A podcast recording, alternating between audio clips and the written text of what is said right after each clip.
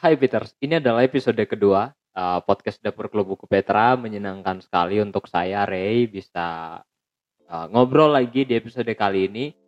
Uh, kalau kemarin episode pertama kita ngobrol dengan Kamaria Pankretia. Uh, beliau adalah koordinator program Klub Buku Petra. Kita sudah selesai berkenalan dan episode kedua kali ini kita bakal ngobrol soal uh, Remy Silado. Remy Silado ini adalah seorang penulis, musisi, uh, pekerjaannya banyak dan menghasilkan karya yang banyak sekali, tidak hanya buku tapi juga lagu, terus uh, beberapa naskah puisi dan drama juga salah satunya. Dan hari ini kita kehadiran bintang tamu. Ini adalah anggota aktif Klub Buku Petra, Kak Hermin Nujin. Hai Ray, selamat Halo, sore. Kak Hermin, selamat sore. Eh, ini kita rekaman di tempat kerjanya Kak Hermin ya? Ya. Di klinik, klinik bukan sih? Ah, klinik, klinik Renceng Mose. Klinik Renceng Mose, betul. Nah, nah, nah, nah. Semoga kabutnya bikin nyaman ya. Asik, di tempat asik. Kami rekaman di tempat yang eh, kayak cozy-cozy kayak di studio betulan loh. ini tempatnya kayak studio betulan. Kak Hermin eh, perkenalan dulu kak. Perkenalkan diri ke Peter. Sekarang lagi sibuk apa? Monggo kak, kenapa Oke. angguk-angguk doang? Ah, selamat sore Peters. Aku Hermin. Saat ini aku sedang mengabdi di salah satu klinik yang menangani orang dengan gangguan jiwa, yaitu klinik Renceng Mose di Ruteng. Dan yang lebih menyenangkan lagi, eh, di kota Ruteng ini aku tidak cukup aktif sih seperti yang. Ray bilang Eh, tadi. lebih aktif loh. Eh, cuma aku percaya bahwa sesuatu yang baik yang aku selalu piara dalam diriku sejak kecil dan akhirnya di usia yang cukup matang kali ini aku bisa bertemu dengan orang-orang hebat di klub buku Petra Nah. dan itu sangat-sangat menyenangkan, Ray. Eh, Kak Hermin di sini sebagai apa kerjanya? Oh, di sini aku sebagai tenaga farmasis, aku seorang apoteker, Oh apoteker. ya Yang urus-urus obat itu. menangani obat-obat buat teman-teman dengan gangguan jiwa. Wah wah wah. Eh, ini karena eh, dengan Dokter Ronald juga. gitu Ya, Dokter Ronald Susilo. Jadi sama Dokter Ronald dibawa juga ke klub buku Petra. Hermin ini sudah saya kan baru kan di klub buku Petra. Jailah. Tapi Baru- terlihat seperti sangat senior. Ray. sangat cepat ini, sangat cepat beradaptasi dengan eh, lingkungan kerja di klub buku Petra. Saya sudah berapa lama bergabung dengan klub buku Petra? Aku gabung di klub buku Petra sejak 2018 akhir. 2018 eh ya 2019 lah ya kalau Ah ya, dibulatkan sudah dua tahun dua lebih loh tahun berarti. lebih dan sudah sudah banyak buku sekali lah berarti yang sudah Ah, ikut di- dibincangkan ya sudah 22 buku 22 buku Iya, yang Kak dari- Hermin ikut iya, dari wow. 28 bincang buku yang telah dilakukan klub buku Petra dan eh, enam episode sebelumnya itu aku sangat menyesal karena belum karena menimbang-nimbang. oh jadi bukan belum tahu tapi kayak pergi tidak ya ikut tidak. tidak ya Eh, ruteng aman tidak kalau malam? nah itu Ternyata juga. sangat nyaman. termasuk tadi malam Termasuk tadi malam kami baru selesai bincang buku tadi malam eh, ke ngob- 28 deh. ke 28 betul Oke. kita ngobrol soal Ala dan Hania di rumah Teteruga. Teteruga. Eh, pemenang ketiga lomba novel DKJ Dewan Kesenian Jakarta. Tapi hari ini, eh, Peter, kita tidak akan membahas soal Ala dan Hania di rumah Teteruga. Kita tidak akan membahas novel-novel Dewan Kesenian Jakarta. Tapi hari ini kita akan membahas soal Remi Silado. Eh, Oke. Remi Silado ini salah satu eh, penulis yang bukunya tuh kayaknya lumayan lengkap ya kalau di klub di perpustakaan klub buku Petra. Hampir di semua buku itu aku baca karya Remi itu di perpustakaan klub buku Petra Re. Oke, eh, ini dia. Ini yang asik bridgingnya. Ih, Saya senang podcast kalau bridging nih halus kayak begini. Eh, pertama kali baca buku Remi Selado itu buku apa dan kapan? Eh, sebenarnya pertama kali aku baca buku karya Remi Selado ini By way, diperkenalkan. sambil minum. Ah silakan. ini kopi dari kaki gunung Rey. Wih, Silakan. kita podcast natural sekali ini. Silakan kayak. Nah, itu diperkenalkan oleh Kak Maria. Nah, karena aku percaya Kak Maria itu seorang pembaca yang sangat baik. Jadi ketika dia merekomendasikan, coba baca buku ini Hermin. Oke. Nah, sekalipun uh, saya punya idola-idola lain, Mhm. uh, tapi ketika saya membaca buku Remi Selado, dia punya apa ya? Daya tarik yang berbeda Oke. daya tarik yang unik dan itu yang membuat saya ah saya harus mencari bukunya yang lain lagi Buku yang pertama dibaca waktu itu buku apa kayak? kerudung merah kirmisi dong Kerudung merah kirmizi. yang mendapat kusala sastra katulistiwa 2002 asik Nah, ini itu eh itu buku lumayan tebal sih. Eh ya tidak lah, tidak setebal Hotel Prodeo atau Oh, ya. ada satu lagi bukunya Hermes Lado yang eh, cukup tebal dan saya lupa. Itu butuh waktu berapa lama itu untuk membaca selesai Saya- Kerudung Merah Kirmizi? eh, sejauh ini hampir semua buku Remi Selado saya baca sekali duduk eh, Seriusan? sekali duduk Eh, setebal Hotel Prodeo pun sekali duduk Wow. dan itu eh, dari sore kebetulan saya libur sampai besoknya jadi semua eh, sendi-sendi tangan itu Hmm, kram Ya, karena harus harus pegang. memegang buku setebal itu dan kan dia dibuka tidak bisa full 90 Oh, ya, derajat cuma betul. 45 mungkin Ya, ya. jadi eh, pertahankan Jadi kayak bukannya itu tidak lega tuh kan? tidak lega jadi harus eh, kayak mengintip Nah, gitu karena saking tebalnya. saking tebal Kerudung merah Kirmizi itu 2018 berarti.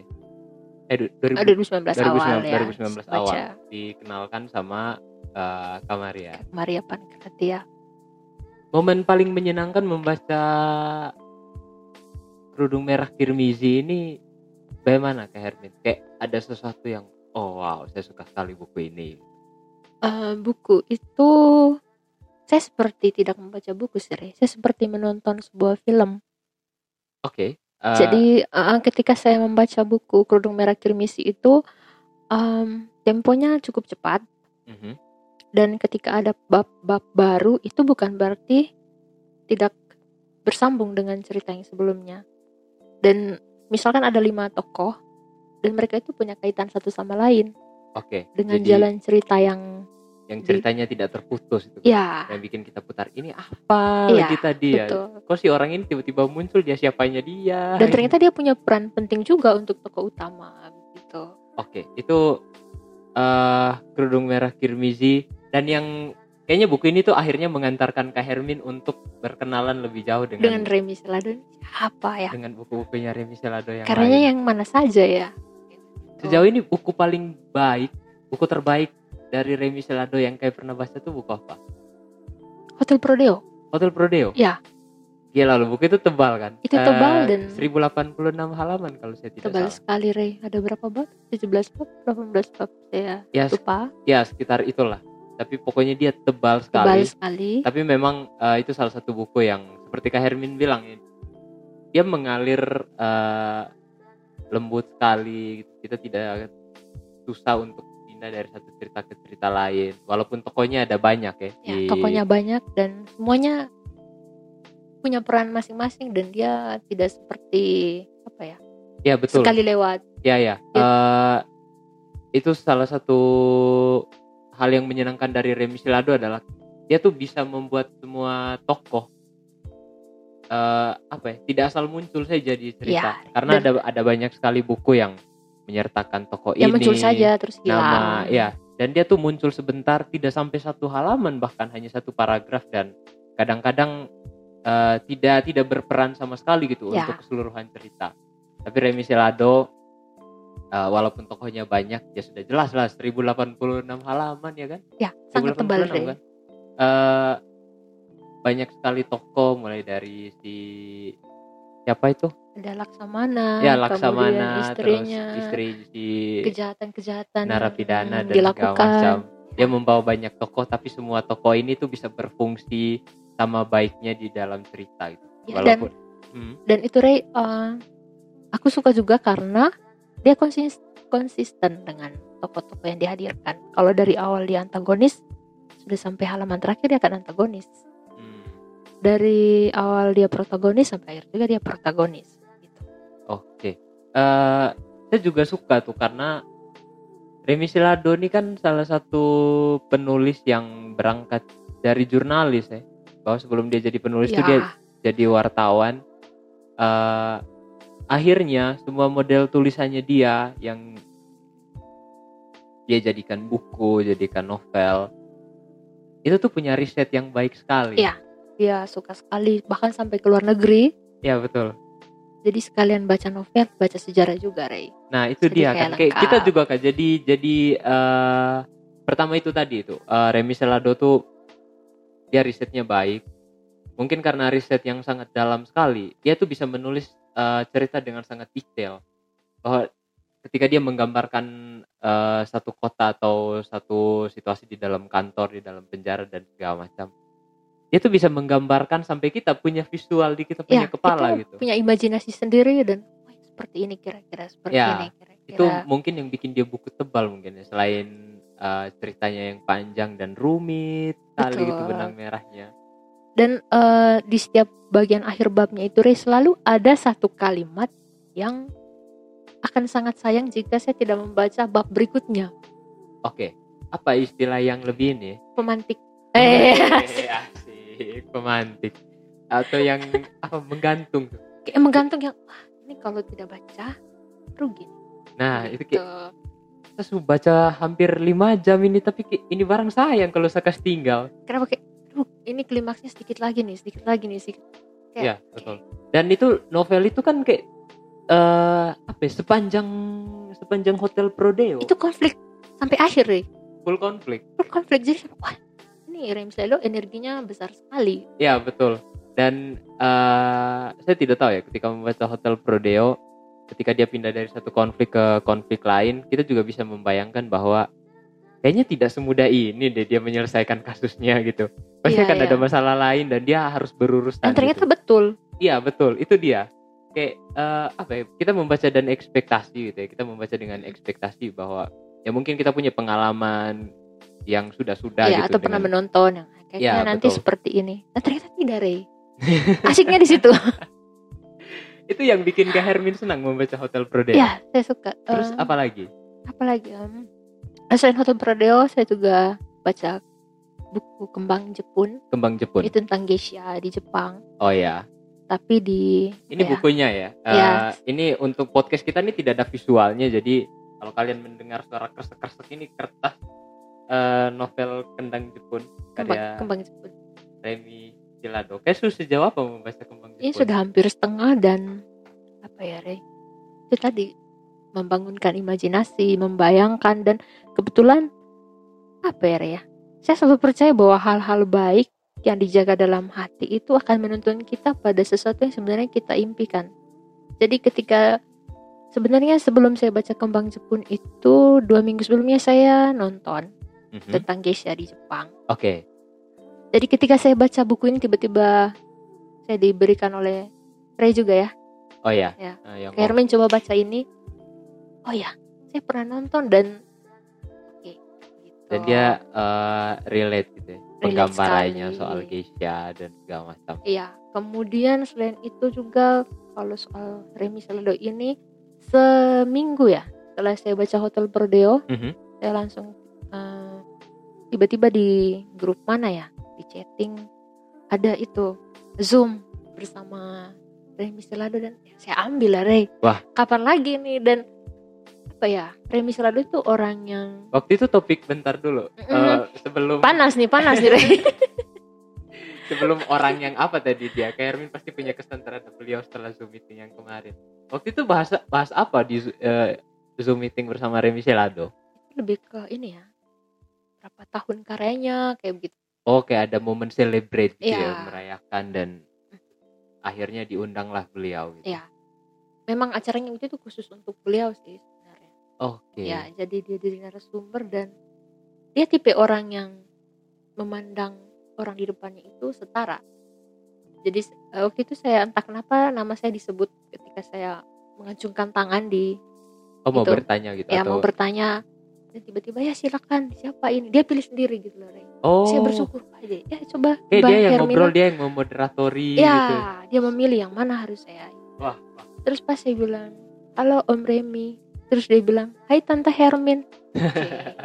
terus beberapa orang juga bilang hai Mas hai hai apa begitu jadi dia Hebat. akan menjawab apa yang setara dengan panggilan itu ya kayak opa gitu. Ya hai. dia kan panggil Oma juga kayak gitu jadi oke Remy orangnya yang uh, bersahabat sekali dia ramah dan banyak sih sebenarnya hal-hal yang bisa saya petik dari Remy dan selain novel dia juga kan menulis puisi Mhm. Ya, puisi Uh, juga. saya suka dengan pernyataannya di puisi Belling ya Puisi yang mana? itu tentang ini Ray Puisi beliau banyak loh. Iya banyak sih Jadi Uh, cuma kayak memilih-milih tuh kan. ada bagian yang- kayak, ya. oh ini aku sekali ya. ada bagian yang dia bilang uh, menulis puisi itu kalau bisa mudah lah dicerna kira-kira itu yang bisa saya petik dari pernyataannya Hmm, Dan Jadi- KM menemukan hal yang sama di puisi itu setelah dia. ya dan ketika saya baca oh ya puisi bisa sederhana ini ya Oke.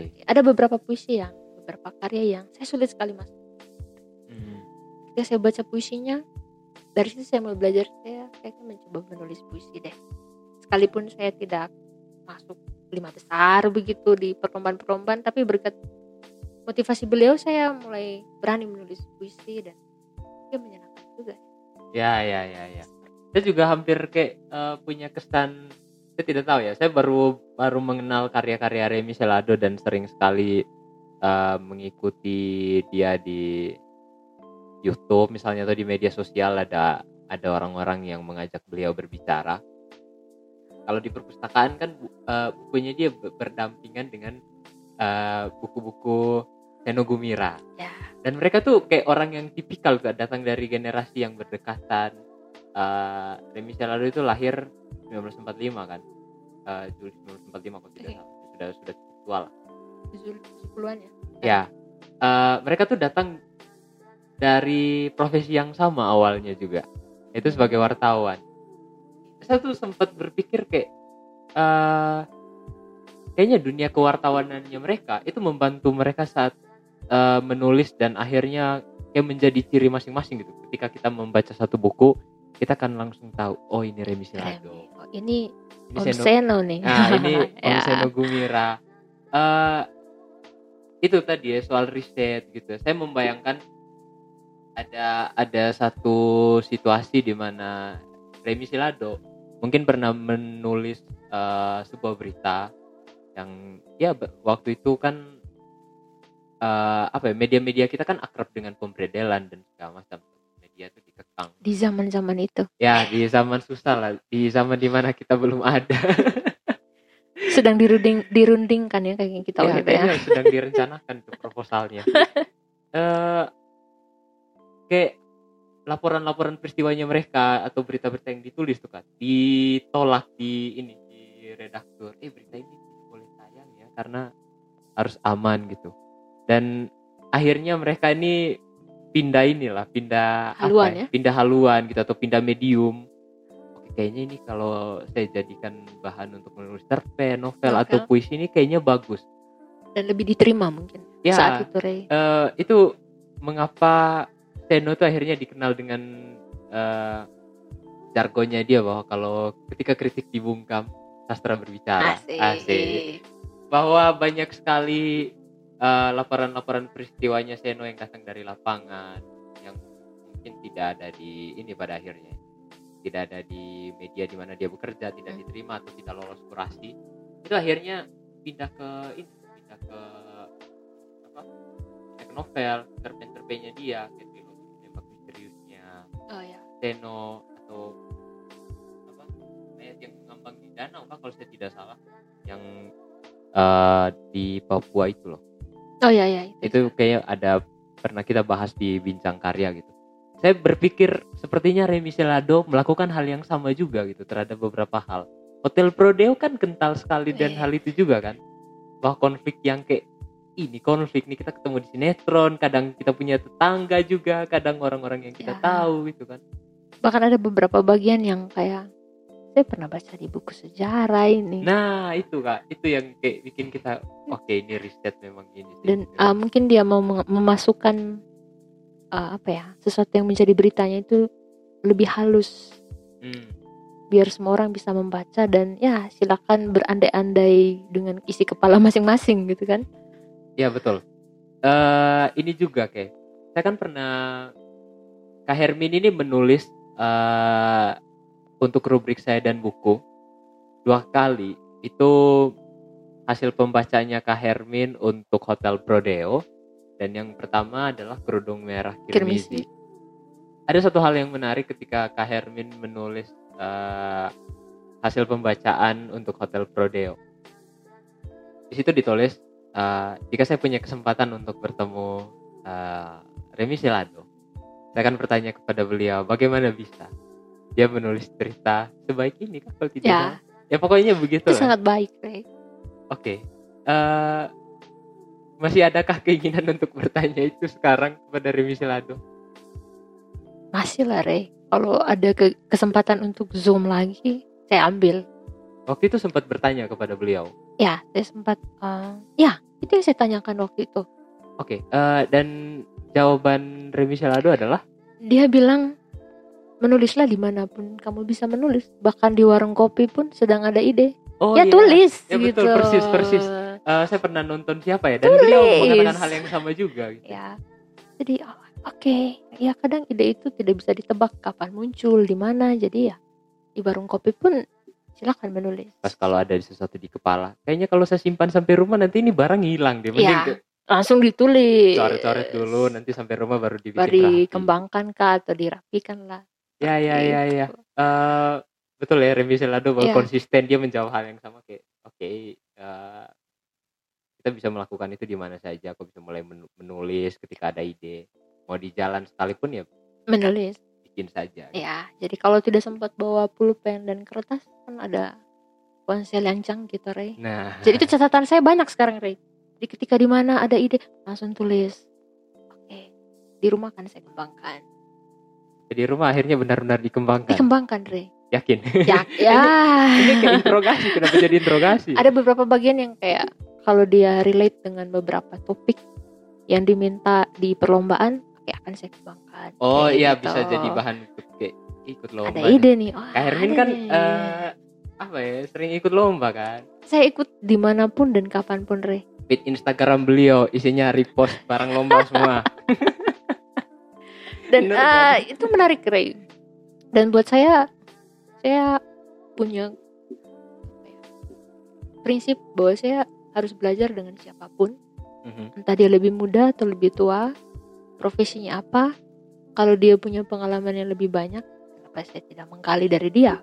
Ya betul gitu. betul betul. jadi bahkan ada beberapa perlombaan yang dibenangkan oleh anak SMA wah saya pikir wah ini adik jauh di bawah saya. Kok bisa dia yang juara dari situ saya berpikir oke usia itu bukan tolak ukur bahwa dia sudah sampai di tahap mana untuk literasinya kayak begitu jadi ketika saya kadang teman-teman bertanya bahwa kenapa followernya lebih banyak ya eh maksudnya saya mengikuti orang di Instagram lebih banyak ketimbang yang mengikuti saya Oh iya iya iya. iya. dua kali lipat kayaknya kalau dihitung Yang daftar follow eh, daftar following itu apa saja sih? Siapa saja? Akun lomba satu. akun lomba banyak Akun kemudian lomba, satu. apa ya penulis Dua. Penulis penulis yang diikuti siapa sih? ada deh Kita sebut aja An Mansur pasti. Pas ada ada Remi kemudian Silado itu ada akun medsosnya tidak sih?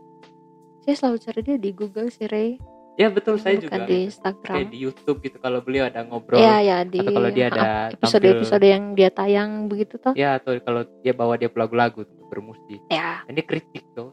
Dia jago kalau lewat teaternya kan lewat drama musikalnya juga Kayak, Tapi di medsos kayak kita belum kepikiran untuk cari. Oh pulang ini cari deh. Bagus lah. saya juga kayaknya Ray. Itu penulis-penulis yang mungkin karena saya terpukau dengan karya-karya yang ada di buku ya ya, jadi saya tidak terlalu uh, mencari siapa Remi Salado di belakang bukunya tapi hmm, apa isi dalam buku Remi Oke. Ya, Kalau sama lah kayak kalau misalnya saya suka dengan Remi Selado tuh saya mulai eh, cari-cari gitu. Tapi memang selama ini ya saya belum kepikiran untuk cari medsosnya saja ya. Cari eh, beliau nih kalau ngobrol bagaimana ya? Oh, ternyata Oh ya, Re, itu Remi Selado nama pena loh. ya nama pena Nama penanya bahkan lebih dari lima. Eh, Banyak. nam- nama penanya dia tuh adalah 2376 Satu. Satu. Asik. Remi sih. Dan Kalau- nama aslinya juga panjang tujuh Nama asli- kata Re. nama, Ah, nama aslinya tidak hafal. siapa Hermin Nama lengkapnya itu Yusbal anak perang Immanuel Panda Abdil Tambayong. tambah Ah, maafkan kalau saya salah. Eh, kelahiran Makassar ya, Ya, betul kan Ya, orang Makassar. kita loh ngobrol panjang lebar soal Remi Silado tapi profil beliau kita, Kita di akhir ini kalau struktur penulisan nih kayak eh, khusus dulu baru umum belakangnya ya. Itu malah tidak jelas gitu frekuensinya. Tapi seru sih ngobrol soal Remi Silado karena ya itu tadi ya kalau kita kupas satu-satu dia buku.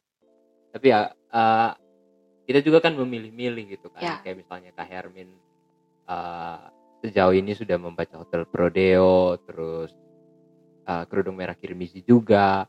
Lalu yang terakhir ini adalah Kembang Jepun. Ya. ini kayaknya akan jadi pertanyaan-pertanyaan yang biar kayak ada kesimpulan yang keren-keren gitu biasanya kan kalau ada di saya dan buku kan sekarang yang eh, di highlight itu adalah pokoknya apa yang kamu rasakan ketika membaca buku? Wajah buku. kita lempar saja ke sini biar saya kerjanya tidak terlalu susah Oke oke. Um, membaca karya Remi Silado sejauh ini Ray saya merasakan bahwa mood saya tidak pernah turun, mood tidak pernah turun emosi saya tidak pernah turun kayak tegang terus gitu kan Ya. sepanjang baca dan itu itu jarang ya saya temui di buku-buku. Kadang mungkin ketika di hari di buku-buku lain yang saya temukan menghadirkan tokoh ini untuk sedikit mengalihkan. oke Tapi kalau di bukunya Remi dia konsisten. Kalau memang ini konflik dari awalnya begini, oke, sepanjang buku itu akan konflik seperti itu dan itu energinya tetap ya kuat dan sampai di ending, oke, dia turun pelan. itu yang bikin eh, bukunya dia pada akhirnya walaupun tebal apa pun tidak ada yang terbuang percuma Maksudnya kita tidak menyesal untuk ah buku setebal ini ngapain saya baca dan ah, saya mau lagi begitu. Oke. kalau kerudung merah kirmizi itu kan sangat Itu kurang tebal, Ray. tidak sih kalau hasil pembahasan kan malah kayak Kak Hermin ada momen yang oh ini buku saya sekali pernah membayangkan menjadi di tokoh perempuan di Si buku Mirna ya? ini gitu ya betapa berat kehidupan yang harus dia bawa Ya, em, kadang ketika kita berbuat baik Mhm. itu belum tentu baik di mata orang. oke Sekuat apa pun kita berjuang, wah ya ini saya, saya lakukan terbaik. Di mata orang itu buruk, itu biasa saja. Dan itu ada di toko Mirna. itu yang Dan itu kayak, ah, ini saya pernah ada di bagian ini, di titik ini, di tahun ini, di usia ini dan pada akhirnya ya sudahlah Eh, kayak gitu. terus setelah eh, dua tahun berlalu kan kayak kalau mengingat-ingat kerudung merah kirmizi lagi oh ternyata ada hal-hal yang akan pergi ke sana bahwa eh, tokoh-tokoh yang dibikin si Mirna tadi gitu ya kita akan akan mungkin makin akrab gitu bahwa dia mungkin adalah teman kita nantinya adalah orang-orang atau mungkin Atau sampai ya, nanti Kita kita. sendiri. Oh, Ya, itu kan. iya iya iya. bahwa Itu bisa, Re. nasib adalah kesunyiannya masing-masing. Asik. Banyak sekali nanti caption di story saya malam ini. Ya. Seperti termasuk eh, apa bahwa kita tidak bisa menilai eh, baik buruk orang ya, mereka punya kacamata indahnya masing-masing ya. Mhm, ya Bahkan buruk buat kita itu terbaik buat dia. gitu. Begitupun sebaliknya ketika orang mau melihat kita. betul betul dan kita kayak harus lihat eh, cerita di belakang mereka gitu bahwa dia memilih pekerjaan ini si Mirna memutuskan untuk Perempuan malam. menjadi perempuan malam begitu? gitu dia tidak sekonyong-konyong eh, apa yang kamu cita-citakan kalau tua perempuan malam kan tidak gitu kan ada ada Ada sesuatu. ya ada cerita-cerita yang terjadi di balik itu dan Remy berhasil, Berhasil. mengangkat itu Iya. eh, apa ya membangunkan kesadaran bahwa oke hidup memang eh, sulit kita semua punya kesulitan kita masing-masing dan Remy memilih salah satu tokoh yang saya pikir sering sekali terpinggirkan tuh Terpinggirkan, tidak dipandang. Betul teraliena apa alienasi gitu Iya, Eh, mereka adalah tokoh-tokoh yang kalau misalnya di di banyak sekali buku tuh kayak Hermin kayak jadi pemeran pembantu tuh Kak. dan Ketika ada pasti laki-laki punya image yang, oh ya itu, Ray um, menyentil saya soal itu. Di buku oke. Remy, uh, tokoh perempuan malam itu justru sangat menjadi apa ya? Dia punya porsi yang paling tinggi ya ya dengan kacamata yang sangat positif di bukunya si Remy. ya itu tadi gitu kayak karena apa ya eh, dia menulis cerita di balik itu Kak. bahwa Ya, ketika dia pulang eh, ada anak-anaknya dia yang yang, menunggu. aku harus eh, sangat harus Pulang aku harus ibu. jadi mama. Iya, Ah, aku harus menjadi ibu ketika aku pulang Ya, itu sangat apa ya, Re? Sangat menyentuh sekali dan itu jarang saya temukan di buku-buku. Kalau di buku-buku lain ya akan dihujat. Iya, betul. akan dihujat akan. banyak sekali buku yang kalau menggambarkan tokoh-tokoh seperti Mirna, ya, mereka itu muncul sebagai pemeran pembantu itu. Ya. bahwa eh, ketika laki-laki misalnya dia Mm-mm. dia berkonflik dan segala macam, eh, dia tokoh-tokoh perempuan malam itu akan akan dihadirkan sebagai pelampiasan Pelampiasan, ya ya. dan porsinya Mencari sedikit. kesenangan, ya. Ya. Dan ketika si laki-laki atau konsumen atau siapa pun sudah selesai dengan itu, sudah selesai dengan pelampiasannya, Ya kan kembali ke cerita awal. Ya, per- dan perempuan malam ini Ya. akan hilang, Hilang, kembali dari cerita, gitu. sudah tidak terangkat lagi. Ih, menyenangkan. Silado hebatnya di situ, konsisten. konsisten. Konsisten. Remy Silado. Seberapa 1 sampai 5 angka yang dikasih ke Hermin untuk merekomendasikan pendengar kita yang mendengarkan episode kali ini untuk mulai membaca Remy Silado. Pikir lima ya, Re? Yo, eh, Lima dong. tang langsung total 5. Eh Hotel Kirmizi kita kayak bintang buku ya, tapi kasih bintang Eh, berapa? Hotel sejauh ini Hotel Prodeo sama Firmis itu sama ya. dapat 5. Mereka punya poin lima. Bagus sekali Kalau kembang Jepun sih Kembang sejauh ini. ini eh, awal sampai tengah itu masih cukup aman ya, masih cukup halus. Jadi mungkin nanti sampai akhir saya menduga dia di empat deh. Oke, ini kayaknya sudah tinggal sedikit ya. Ini kayak. Hermin ada penandanya. Kayaknya sehari ya, tidak sampai sehari. Sebentar malam Re, ini sebentar malam Ini pengantar sebentar tidur. Kita nih rekaman jam berapa loh? Jam li- oh sudah hampir jam 5 kita rekaman dan aduh saya lupa satu lagi tapi bagaimana ya? Kita padahal kasih ambil konklusi tadi. Oke. Kita mulai dan kesimpulan. Ah, ini kayak Remi Salado nih Re. Maunya dia eh, ini ya emosinya Tiba-tiba stabil neng- naik Orang lagi. pikir oke masalahnya sudah selesai. Loh, Eh, loh, ternyata loh, belum. Belum saudara-saudara. Eh, Oke. Remi Silado itu banyak sekali menggunakan bahasa Indonesia yang lama, yang tidak populer. Ya. Dibawa ke dalam bukunya dan kita pikir ada ya kata bahasa Indonesia yang seperti ini.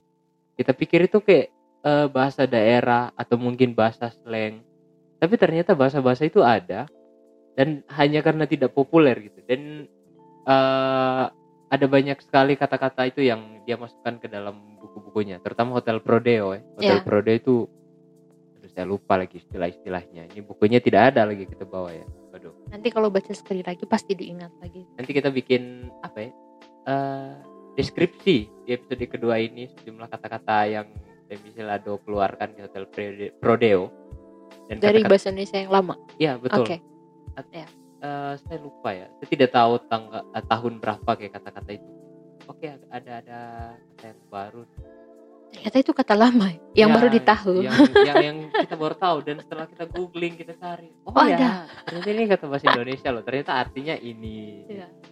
Ini saya- kayaknya kita akan menodong lagi Kak Hermin nanti Oke. setelah membaca Kembang Jepun. Oh siap. Tentang Remy saya akan selalu siap bercerita. Saya dan buku lagi nih Saya kayaknya. dan ya. buku lagi nih sepertinya. Untuk yang mau membaca eh, saya dan buku rubrik saya dan buku dari Kak Hermin itu bisa langsung ke www.bacapitra.co rubrik sekitar kita saya dan buku Kak Hermin sudah menulis dua kali yaitu Kerudung Merah Kirmizi dan Hotel Prodeo yang ketiga kita akan menunggu eh, Kembang Jepun keluar lagi untuk edisi saya dan buku tayang bulan depan mudah-mudahan Amin. kita akan todong lah orang-orang kayak Hermin ini adalah sasaran utama penodongan saya dan buku halus sekali ya peringatannya. Asik ya. Dan dia pu promo tuh kak, bagus sekali. Asik, Eh, asik. Ada lagi kakak Hermin yang mau disampaikan ke kita punya pendengar soal obrolan hari ini. Eh, saya sampai hari ini Mhm. selalu percaya seperti yang Remi selalu bilang bahwa di mana pun ketemu ide apa pun tulis. Dan eh, dia pernah meyakinkan seorang penulis yang dia marah atau sedih saat itu ketika karyanya tidak dibaca. Oke. Dan dia bilang bahwa ya menulis saja, menulis dari hati dan ya, tulis yang kalau kamu tulis ya tulis begitu. Jadi tidak ada yang bilang bahwa ini penulisnya major art dan minor art itu tidak Oke. ada. Dia meyakinkan soal itu dan itu menjadi pemantik dalam hati saya untuk tiap orang punya apa ya, posisi karyanya masing-masing. Ya gitu. punya gagasannya masing-masing. ya punya ide dan punya ruangnya masing-masing dan kita saling menikmati begitu. Karya saya, karya Ray, karya teman di luar sana kita saling menikmati begitu. Tanpa ada yang mayor, ada yang minor, tidak ada. Asik. Oh. Itu dia penutup teman-teman. Tidak sadar loh kami ngobrol ngalur ngidul ke mana-mana soal revisi hampir satu jam ya? Eh, tidak sadar kan Kak Hermin? Ya. Menyenangkan. Eh, terima kasih banyak Kak Hermin sudah Oke, mengisi episode Ray. dua kali ini. Mudah-mudahan kita akan ketemu lagi di episode podcast berikutnya. Amin. Eh, terima kasih juga Peters untuk sudah mendengarkan episode kali ini. Mudah-mudahan episode ini enak di telinga kalian, cukup menghibur juga. Eh, bisa sambil didengarkan sambil ngapa-ngapain. Akhirnya saya Ray, Saya Hermin. kami pamit undur diri. Terima kasih. Selamat sore.